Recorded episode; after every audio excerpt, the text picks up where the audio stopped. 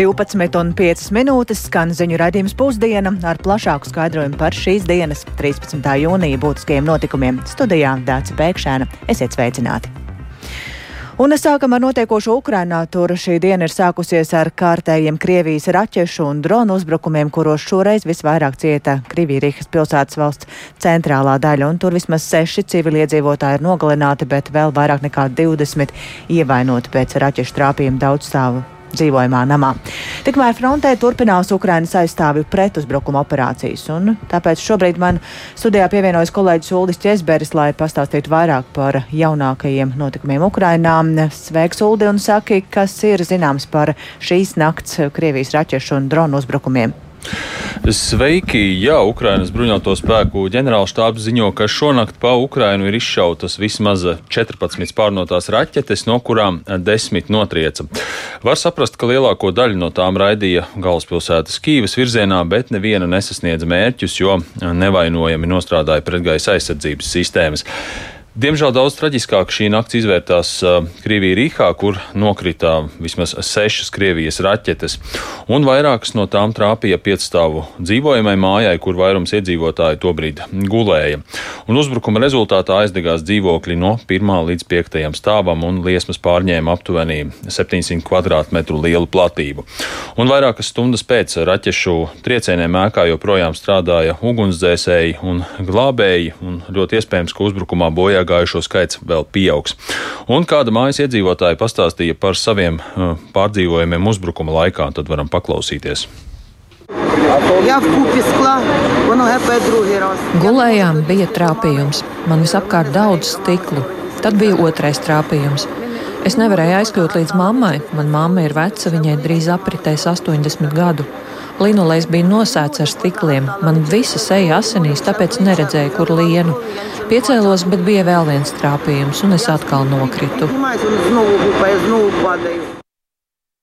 Ja un Krievijā Rihā uzaugušais Ukrainas prezidents Volodimirs Zelenskis, reaģējot uz šiem uzbrukumiem, paziņoja, ka Krievija turpina karu pret dzīvojamām ēkām, parastām pilsētām un cilvēkiem, un viņš arī apsolīja, ka Krievija atbildēs par katru izšauto raķeti. Vēl jāpiebilst, ka Ukrainas otra lielākā pilsēta Harkiva šonakt piedzīvoja dronu uzbrukumus, kuros nodarīti postījumi komunālo pakalpojumu uzņēmumam un noliktavai, un par laimi neviens cilvēks nav cietis. Tas tātad par pagājušās nakts notikumiem. Kādas ir pēdējās ziņas no frontes? Nu, jau aptuveni nedēļu Ukrainas austrumos uh, aizstāvji, valsts aizstāvji turpina pretuzbrukuma operācijas, un to laikā Donetskas un Zaporīžas apgabalos ir izdevies atbrīvot vismaz septiņas apdzīvotās vietas un aptuveni 90 km2 lielu teritoriju. Un simboliski nozīmīgās Bahmutas pilsētas virzienā valsts aizstāvjiem ir izdevies atbrīvot 16 km2 lielu teritoriju. Un Ukrainas prezidenta padomnieks Ihors Žovka intervijā telekanālam CNN sacīja, ka Ukrainas armijas pretuzbrukuma operācija galvenais mērķis ir visus, visu Krievijas okupēto teritoriju atbrīvošana, un arī varam paklausīties viņu. Again, Šī nav mūsu pirmā pretuzbrukuma operācija, un visticamāk tā nebūs pēdējā. Pretuzbrukumu virsuzdevums ir atgūt visas teritorijas, arī Krimu. Tāpēc šajā jautājumā nevar būt nekādu spekulāciju un šaubu. Kad no mūsu partneriem dzirdam, ka viņi atbalstīs Ukrainu tik ilgi, cik vien tas būs nepieciešams, un ka tikai Ukrainas varas iestādes, prezidents un Ukraiņu tauta noteiks, kas būs uzvara šajā karā, mēs pilnībā piekrītam. Ukrainai uzvara nozīmēs atbrīvot visas okupētās teritorijas. Jā, un Žofka piebilda, ka varbūt eh, nepieciešami daudzi mēneši, lai Ukraina sasniegtu šos izvirzītos mērķus, un viņš arī neslēpa, ka Ukraiņu sekmes frontē būs atkarīgas no turpmākām rietumu valstu bruņojumu piegādēm. Paldies Uldim Česberim par šo informācijas apkopojumu, un ja runājam vēl par Helsonas apgabalu, kur pagājušā nedēļā uzspridzināja, ka Hovkas Hest aplūdenot arī milzīgas teritorijas, tad um, Tur ūdens līmenis turpina samazināties, un naktī tas ir sarucis par vēl 27 centimetriem, taču Ņepras labajā krastā joprojām vairāk nekā 30 apdzīvotās vietās ir 3600 aplūdušu māju, un šobrīd ir apstiprināts, ka Kahovkas dambis spridzināšanā ir bojā gājuši 17 cilvēki, vēl 20 ievainoti, bet 42 uzskata par pazudušiem. Un tas tikai vēlreiz apliecina arī, cik svarīgs ir Ukrainas sabiedroto atbalsts un palīdzība, un tāpēc arī no Rīgas uz Ukrainu dodas kārtējais humānais konvojs, ko organizē Latvijā dzīvojošo Ukraiņu biedrības konfederācija Viče, un šoreiz tajā ir iekļaut arī palīdzība Kahovkas Hes katastrofā cietušajiem. Un Vairāk par to, kāda tad palīdzība šoreiz nonāks Ukrainā, plašāk ir gatava stāstīt kolēģi Agnija Lazdeņa. Viņa šobrīd atrodas laukumā pie Rīgas kongresa nama, no kurienes tad pavada konvoju, un šobrīd esam ar viņu sazinājušies. Sveika, Agnija! Un, uh, Saki uzreiz, kādu tad palīdzību šoreiz, uz kādu palīdzību šoreiz ir tas galvenais akcents, vai tas ir Kahovkas Hess traģēdijas skartajiem? Uh, labdien! Kā jau tu minēji, šis ir kārtējais humānais konvojs, ko konfederācija Viča sūta uz Ukrajinu. Viņi to dara regulāri, piegādājot dažādu veidu palīdzību, lielākoties tieši dažādām Ukrainas bruņoto spēku vienībām. Un, uh, šāda konvoja sagatavošana parasti aizņem vairākas nedēļas, taču, kā uzsver konfederācija, pateicoties daudzu partneru atsaucībai, palīdzību saspridzinātās Kahaukas uh, hidroelektrostacijas stācijas traģēdijas skartiem ir izdevies savākt ļoti īsā laikā. Un šoreiz Helsinas apgabalam sūtījis drošas specializētas glābšanas laivas, pārtikas komplektus, līdzekļus ūdens attīrīšanai, ģeneratorus, dzīvnieku brīvu un daudzas citas lietas, kas steidzami nepieciešamas tiem, kas ir cietuši šajā traģēdijā. Un uh, konvojā ir iekļauti arī vairāki jaudīgi un droši apvidus autokareiviem, tostarp atmīnēšanas grupai, kas, uh, Ukrai, kas ir Ukrainas speciālisti, kas nodarbojas ar teritorijas atmīnēšanu pretuzbrukuma vajadzībām. Un, uh, bez mašīnām viņi saņems vēl arī aprīkojumu, kas nepieciešams efektīvam darbam un personāla drošībai. Un, uh, paklausīsimies konfederācijas vīča priekšsēdētājas Oksanas Sičko komentāru par neizsīkstošo vēlmi palīdzēt sūtot uz Ukrainu kārtējo humāno konvoju ka, protams, nav noguris.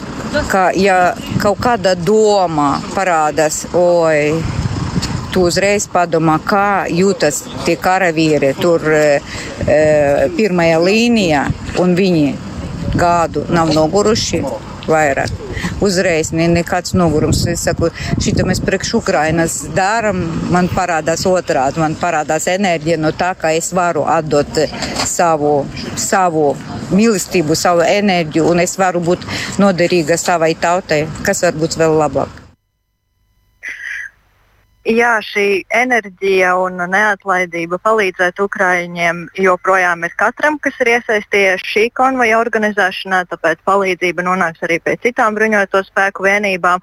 Un kā jau parasti, tur ir visas pirmās nepieciešamības lietas, kā droni, laivas, motors, formas tērpi, pārtika, planšetes, instrumenti un daudzas citas lietas. Un tāpat piebildīšu, ka ar šo nekas nebeidzas. Un kā norāda konfederācijas vīča pārstāvi, pēc šī konvoja aizbraukšanas uzreiz sāksies darbs jau pie nākamā komplektēšanas data. Paldies Agnijai Lazdeņai. Notikumiem Ukrainā sekosim līdzi arī redzīmā pēcpusdiena. Un, eh, protams, ka arī Ukrainā notiekošais ietekmē Latvijas drošību un Krievijas spējas veikt kādas aktivitātes pie mums. Un tā kā šobrīd notikumi Ukrainā neattīstās tā, kā gribētu Krievija, tad visu uzmanību šobrīd tā velta pašas sāktajam karam Ukrainā un uz aktivitātēm pie mums atslāpst. Turklāt aktīvāk pie dažādu draudu novēršanas ir strādājušas arī Latvijas iestādes. Tā šorīt redzījumā labrīt kolēģiem Martai Skujai un Laurim Zvejniekam sacīja Saimas iekšējās drošības apakškomisijas priekšsēdētājs Edvins Šnora no Nacionālās apvienības, skaidrojot, ar ko ir saistīta Latvijas iekšējās drošības situācijas uzlabošanās. Un jāpiebilst, ka pēc nepilnas stundas tad arī valsts drošības dienesta ikgadējo publisko darbības pārskatu un darbības aktualitātes izvērtēs arī Saimas iekšējās drošības apakškomisijā. Pirmām kārtām ir intensificējuši savu darbību mūsu dienesti. Mēs vērojam arī pēc statistikas, ja, kas ir šajā ziņojumā. Mēs redzam, ka gan teiksim, tie, kas ir pārbaudīti uz robežas, gan tie, kuriem ir atteikts vīzes, gan tie, kas ir iekļauti melnajā sarakstā, ja, visi šie rādītāji kāpj. Ja, tad, un pat divreiz lielāk nekā bija gadu iepriekš. Ja. Tā kā tas ir no vienas puses, bet no otras puses tiešām ir arī tas, ka Krievija ne tikai nav fokusējusies pašreiz uz Latviju, bet arī tas, ka lielā mērā ir sagrauts Krievijas tīkls, kas bija saistīts ar viņu diplomātiskajām pārstāvniecībām. Arī ja, nu, ir daudz izgaismot šie tā saucamie diplomāti, kas nodarbojās ar izlūkošanu. Vēl viens faktors šajā kopainā ir cilvēki, kas nodarbojas ar spiegošanu. Kā ir ar šo risku apzināšanu? Spiegošana notiek, jā, un ir noķerti četri spiegi pagājušajā gadā tiesāti katrā ziņā. Jā, tur ir piespriezt cietumsodi, un pie tā ir jāstrādā. Un, un es uzskatu, ka mūsu dienesti šajā jomā jau varbūt strādā nemaz netik slikti. Jā kas varbūt, manuprāt, ir mazāk arī šajā ziņojumā un iespējams arī darbībā ir tie, ko mēs varētu nosaukt par ietekmes aģentiem. Ja, es domāju, ka tas ir sektors, kur mums vajadzētu koncentrēties, no ziņojuma izriet no valsts drošības dienas ziņojuma, ka šajā jomā koncentrējās tikai uz to krievisko daļu. Ja? Nu, Tātad ietekmes aģenti, kas ietekmē krievisku lasošos un, un runājošos cilvēkus. Bet tajā pašā laikā nekas nav teikts par lielāko daļu sabiedrības, par tiem ietekmes aģentiem, kas nu, Krievijas teiksim, uzdevumā vai atbalstot Krieviju. Ietekmē Latvijas sabiedrību, tas tur nav. Diemžēl. Kā šie ietekmes aģenti izpaužās? Nu, ietekmes aģenti mēģina ietekmēt sabiedrisko domu, mēģina ietekmēt eh, politiskos eh, lēmumus par labu citai valstī, ja, par labu, nu, šajā gadījumā Krievijai. Tas jau notiek diezgan netieši. Ja, tas jau nav tā, ka teiksim, šie cilvēki atklāti uzstājas ar kaut kādu proklimlisku tādām runām vai tēzēm. Ja. Ar to varbūt nodarbojušies tie prokrieviskie, nu, kas jau ir identificēti un labi zinām mums aģenti. Ja. Bet tie, kas netieši to dara, ja, tas ir arī ziņojumā netieši minēts, ka tādi ir un ka rietumos tāda darbība tiek izvērsta, bet nu, nekas sīkāk par to nav. Es domāju, tas būtu tas, uz ko būtu tiešām jākoncentrē. Tā saimnes iekšējās drošības apakškomisijas priekšsādātājs Edvīns Šnore. Latvijā ir plānots ieviest citādu veselības aprūpas finansēšanas sistēmu pēc Igaunijas parauga. Lai to panāktu, ir jāmaina valsts sociālās apdrošināšanas obligāto iemaksu struktūra, un tas nozīmē, ka tiktu veikti maksājumi pensijām un bezdarbnieku pabalstiem atlikušo novirzot veselības aprūpas budžetā. Iecerēji ir gan plusi, gan arī mīnus, un par tiem ir gatava stāstīt kolēģi Zana Eniņa, kura pievienojas studijā. Sveika, Zana! Labdien! Um, sākumā atgādināšu, atvainojos, ka pašreizējā valdība par pārēju uz veselības aprūpas sistēmas finansēšanas sasaisti ar nodokļiem runā jau kopš apstiprināšanas. Arī veselības ministra Līga Mendelsona kā par paraugu izteikusies par Igaunijas sistēmu, kurā šis princips darbojas. Un tagad šī ideja iegūst nedaudz konkrētākas aprises, proti finanšu ministrs Arvils Sašarādins paziņojis, ka speciālā darba grupa nodokļu politikas pilnveidošanai ir panākusi vienošanos politiskā līmenī par pāreju uz Igaunijas veselības apdrošināšanas modeli. Daļu valsts obligāto sociālo iemaksu novirzot veselības aprūpē, bet joprojām no šīm iemaksām uh, tiktu veikti maksājumi arī pensijām un bezdarbnieku pabalstiem. Vērtējot šo ieceri, šorīt Latvijas radio programmā Labrīt Latvijas Veselības ekonomikas asociācijas vadītāja Daiga Behmane norādīja, ka līdzīga sistēma pastāv arī citās valstīs, ne tikai Igaunijā, un raksturoja to nedaudz sīkāk. Paklausīsimies! Igaunijas sistēma kura tiek finansēta tādējādi, ka tā finansēšana veselībai ir 13% no darbspēka nodokļiem, 13% no pensiju fonda, plus arī valsts dotācija. Un jāsaka, ka visās tajās valstīs, kur ir šī apdrošināšanas sistēma, ar vien lielāku lomu pieņem arī šī valsts dotācijas. Tātad bez valsts eh, dotācijas neiztiek. Un arī veselības ministra Līga Mendelsona agrāk ir izteikusies, ka finansējums no budžeta būs jāatvēl arī jaunajā sistēmā, jo jāapdrošina tie, kas sociālo nodokli nemaksā. Un tie ir nestrādājoši pensionāri, bērni un citas eh, trauslākas sabiedrības grupas. Taču Behman norādīja, ka vienmēr ir arī kāda sabiedrības daļa, kurai nodokļi būtu jāmaksā, bet kas to nedara. Un tad, lai iegūtu tiesības saņemt veselības aprūpu, šiem cilvēkiem pašiem jāpiedalās ar maksājumiem šajā sistēmā. Tā teica Latvijas Veselības ekonomikas asociācijas vadītāja Daiga Behmane. Ir ļoti maza cilvēku daļa, kāda 5%. Uh, kuri, uh, kurus nesadz šī apdrošināšanas sistēma, un tie veids papildus iemaksas, bet tās iemaksas ir pietiekami lielas, nu, 150 līdz 200 eiro mēnesī. Par to, cik drīz varētu notikt sistēmas maiņa, pagaidām nekas nav teikts, bet saskaņā ar Kariņu valdības, valdības apņemšanos pārējai uz veselības aprūpes apdrošināšanas sistēmu vajadzētu notikt divos gados. Un, lai būtu saprotams, cik liels ir nozars finansējums, atgādināšu, ka gada sākumā valdība nozarei piešķīra 1,6 miljārdus eiro, sekoja nozares darbinieku sašutums, kā to ir par maz. Savukārt valsts sociālās apdrošināšanas speciālā budžeta ieņēmumi pērn bijuši 3,9 miljardi eiro. Paldies Zanai Eniņai par šo skaidrojumu un vairāk runāsim par to arī radījumā pēcpusdiena. Bet Latvijā gan mazdārziņu saimniekiem, gan zemniekiem ir raizes par ilgušo sausumu, kas ietekmē gaidāmo ražu. Uztraukums ir arī ganāmpulku saimniekiem, jo klāt lobarības gatavošanas laiks, bet zāle nav augusi un daudz viet pat izdegusi. Vairāk par to, kādas problēmas ir sausums radījis laukos, vidzemes korespondents Guntis Matisonis ierakstā. Jūs zināt, nu baigi savs visu. Visa zeme sausa, zāle neaug, nemaz neaug. Rāvēt nevajadzēja, pavisam rāvēt nevajag. Viss darbs tirs. Vienā no Valmijas apkaimes mazdāziņiem satiktais Anatolijas stāsta, ka, lai arī cītīgi laist savu dārzu, rezultātu tam neredz. Ne cipoli, ne gurki neaug. Paši redzat, ka viņš pavisam maziņi, tad nekas, no viņiem nav. Katru dienu laist ar ūdeni. Protams, mazdāziņā vēl ko var līdzēt, biežāk pārstaigājot ar leikanu, bet ko darīt labības audzētājiem. Graudkopības kooperatīva vaks agronome Zita Jansons stāsta, ka augam, lai tas augtu, ir trīs galvenie nosacījumi - temperatūra, mitrums un barības vielas. Ja kāda komponente trūkst, jūs varat viņu aizvietot ar kaut ko, bet šobrīd ir visas trīs komponentes trūkst, jo augs nevar uzņemt barības vielas no zemes, jo ir sausums, un arī barības vielas nešķīdinās. Kaut viņas ir pa dārgu naudu liktas apakšā, viņas nevar um, augstu uzņemt dēļ mitruma trūkuma. Agronomi vērtē, ka labības audzētājiem šogad jārēķinās, ka raža būs daudz zemāka. Ja tā turpināsies, tad ražas kaut kādi zudumi varētu būt milzīgi, nozīmīgi visai Latvijas tautssaimniecībai, es domāju. Jo šobrīd vēl var glābt lietus kaut kāds līdz jāņiem, kas nolīst un kaut kādu attīstību atjaunot, bet ja nebūs līdz ražas vākšanai, tad mēs jau jūlijā pirmajā nedēļā vāksim ražu un viņa būs ļoti būtiski samazināta. Pat pusi ražas var zaudēt, pilnīgi noteikti. Ilgušais sausums ir pārbaudījums arī ganāmpulku saimniekiem. Braslavas pagasts zemnieku saimniecībā apsīts, citu gadu kā stāsts saimnieks Dainis Krečmans jau no māja vidus govs bija ganos. Tagad kūtī, jo ganībās zāles nav. Uz šodien atstāja iespēju, ka var, varētu katastrofāli kristies piens izlaukums. Jā, jo mums ir skābrības kaudzi cauri. Nu, nu, nu, nu, nu, nu, ganos tāpat kā nav viņas dzīvos uz spēkbarību un uz sienu, kamēr sienas būs. Kad esmu saimniecībā, te, lai arī zāle nav tā leknākā, tiek gatavot skābarība. Ja mēs no 20 hektāriem savācam kaut kādus 40, 50 normālos gados, ja, šogad mums ir 20 hektāri nopļauti un mums ir 12 savācēji piekāpes. Saimniecībā cerības saist ar Jāņu laiku un to, ka tad varbūt izdosies sagaidīt lietu. Tikai tāpēc mēs visu to pļaujam. Ja? Cerībā, ka Brits kļūdās, kad lietas sāks pirms Jāņiem, ja un kad būs skatāls. Mums praktiski lietas nav bijis. Nu, tas, tas, ja zem pojeņa kļūma apakšā ir putekļi, tas jau nekādas lietas nav. Uz to, ka varbūt būs lietas, cer arī zirgaudzētavā kocēni.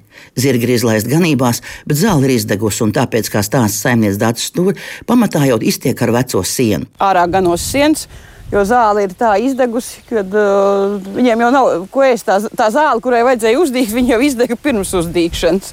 Un uh, dotajā brīdī, jā, un visstrakākais jau ir tas, ka pagājušajā gadā jau mēs to sienu nemaz tik īpaši daudz nesagatavojām, tāpēc, ka domājām, ka nu, vienkārši nevajadzēs. Bet dotajā brīdī jau kad tā arī apjautājas apkārt, tad arī tas pats pagājušā gada sienas jau trūks. Arī zirgaudzētavā ap šo laiku citu gadu jau bija pļaujas laiks, jo pirms jāņem ir skāpsienu gatavošana. To arī sāk gatavot pirms jāņem parasti, tad, kad ir pļaujamā stadijā, kad bišķi jau sāk ziedēt zāli, tad arī mēs viņu tinam skāpsienā. Bet par cik mēs pagājušajā gadā pārsējām laukus, Jo tas arī ir diezgan saistīts ar platību maksājumiem. Tāpēc, ka platību maksājumiem bija jāuztur tā zaļināšanas prasība piecus gadus, un tos piecus gadus to lauku nevarēja pārsēt.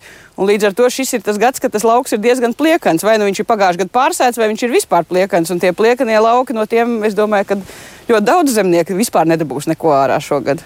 Tie ir pilnīgi dzelteni jau tagad. Dārts Stūrs saka, ka šobrīd vienīgā cerība ir rudens puse un ataugušais attāls, ko varētu pļaut ziemas barībai. Arī saimniecības apsīts saimnieks Dainis Krečmans cerības saist ar to, ka varbūt izdosies izaudzēt attālu. Ja šī situācija būs septembrī, tad būs baigi nopietni. Tad, ja nebūs barība savākt vasarā, tas nozīmē, ka par, par pienu lopkopības pastāvēšanu, nu, pa visu, pa visu lopkopības, ja būs tāda. Ja. Es esmu pusgadsimta lauksaimniecībā, es šitā neatceros, teikšu godīgi. Šobrīd gan iepriecinošas laika prognozes lauksaimniekiem nav. Gunta Matisona Latvijas Rādio vidzemē. Bet no laukiem dodamies uz pilsētu un runājam par to, ka ķivere pastiprināta policijas kontrola un lielāki sodi. Latvijā tuvāko mēnešu laikā sāks stingrāk kontrolēt elektroskrējēju braucējus un um, Tāpēc ārstu celtās trauksmes šodien ir paziņojusi satiksmes ministrija, norādot, ka pašvaldības varēs noteikt zonas, kur šos braucamrīkus varēs atstāt. Vairāk par šodien ziņoto ir gatavs stāstīt kolēģis Viktors Demīdovs, kurš pievienojas studijām. Sveiks, Viktor! Un, jā, mēs esam diezgan daudz runājuši par traumām, kas ir gūtas braucot ar skrējēju, bet nu, ieskatē, ieskicē, kāda tad ir tā situācija? Labdien! Teiktu, ka situācija ir bēdīga. Ceļu satiksmes un drošības direkcijas dati liecina, ka pēdējo gadu laikā elektroskrējriteņu braucēju cieš arvien vairāk, un piemēram 2020. gadā no janvāra līdz maijam cieta desmit cilvēki. Nākamā gada attiecīgajā periodā to skaits jau trīskāršojās. Pērn līdz maijam bija vairāk nekā 60 cietušie, bet šogad jau virs 90. Bet, ja mēs skatāmies pēdējā pusotra gada griezumā, tad uh, cietuši vairāk nekā 400 uh, skrējriteņu braucēju, un viens ir gājis bojā. Uh, vērts atzīmēt arī to, ka salīdzinot ar velobraucējiem, elektroskrējriteņu braucēji biežāk pārvietojas alkohola reibumā, un izteikti tas ir uh, vēlās vakara stundās. Savukārt, ja mēs skatāmies geogrāfiski, tad negadījumi izteikti ir lielajās pilsētās. Dominē izteikti Rīga, tad arī Jūrmala ir manā manām kartē Jēlgava, Liepāja, Daugopils. Bet uh, ir arī tādi punkti, ir punkti uh, kur šie negadījumi ir notikuši uh, arī citvietā Latvijā, un viņi ir izkliedēti pa visu valsti.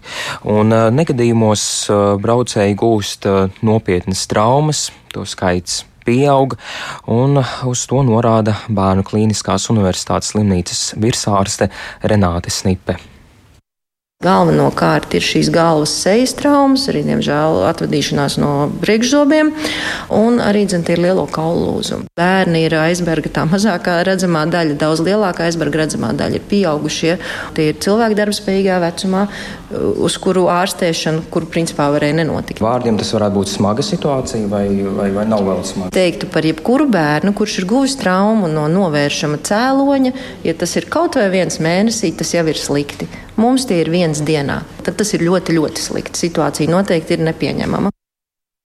Jā, dzirdējām tad bērnu slimnīcas ārste Renāte Snipi, un ja runājam par pieaugušajiem, tad viņa atzīst, ka ikdienu traumatoloģijas un ortopēdijas slimnīcā nonāk desmit pacienti. Nu, tas ir vidēji, un smaga situācija ir arī valsts lielākajās slimnīcās, un tā saka ārsti. Par problēmu bērnu klīniskās universitātes slimnīca ir vērsusies ceļu satiksmes drošības padomē, un uh, izskatās, ka šodien tad saņēmās satiksmes ministrija un informēja, ka tuvāko mēnešu laikā elektroskrējriteņu ziņā paredzēts ieviest stingrus regulējumus. Un kādus tad tieši par to lūdzu paklausīsimies nozares ministru Jāni Vitenbergu no Nacionālās apvienības. Viens ir nodrošināt pastiprinātu kontroli, lai nebūtu tā situācija, ka šobrīd eh, bieži vien rodas sajūta, ka tos cilvēkus, kurš ir braukuši ar eh, skrejteņiem, ir eh, nolaupījuši ciklonētieši vai noticis kas cits, jo viņi ir nokrituši tur, kur eh, pagadās. Ja iesaistītos ne tikai valsts policija, bet arī pašvaldības policija skatītos līdzi, vai netiek pārsniegts ātrums, arī vai tiek ievērotas prasības. Otrs ir stipri palielināt sodus gan par braukšanu dzērumā, pārvietojot dažādas priekšmetus, izmantojot viedīrītes, tiks mainīti un mēs virzam investīvu ceļu satiksmes noteikumu lēmumos ar ministru kabinetu, lai eh, visiem, kuri pārvietotos ar eh, šiem eh, ierīcēm, cilvēki virs 14 gadu vecuma, izmantotu ķiveres. Jā, dzirdējām uh, satiksmes ministru Jānu Vitenbergu. Vēl piebildīšu, ka uh, tā tad uh, ministrija, mm, ministrija informēja, ka pašvaldības varēs arī noteikt zonas, kur šos braucamrīkus varēs atstāt. Un īpaši es domāju, ka tas ir aktuāli, protams, lielajās pilsētās, kā jau mēs um, par to runājām mazliet iepriekš, bet īpaši tā problēma varētu būt Rīgā, kur visur, kur mētājas šie braucamrīki un apdraud gājēju kustību. Nu, par šīm izmaiņām runājam jau diezgan sen. Tad tīri praktiski, kad tas stāsies spēkā? Jā, Vitsenbergs īsti negribēja tos termiņus saukt, kad īsti varētu būt, bet viņš saka, ka tas ir šo sezonu, bet tad pēc, pēc vairākiem jautājumiem viņš tomēr pateica, viņš, viņš, viņš gribētu, ka tas stājas spēkā jau nu, augustā. Nu jā, jau kaut kādi regulējumi paredzēti jau līdz jāņiem, ka varētu tikt pieņemti. Paldies Viktoram Demidovam, un ar to tad arī izskan redzījums pusdiena. Producenta Ilze Agīnta ierakstus montēja Kaspars Groskops par labskaņu rūpējās Kristaps Runģis, un ar jums sarunājās Dāce Pēkšēna. Eterā mēs tiekamies atkal rīt, bet mūsu raidījums ir klausāms arī sevērtā laikā Latvijas radio mobilajā lietotnē. Yeah.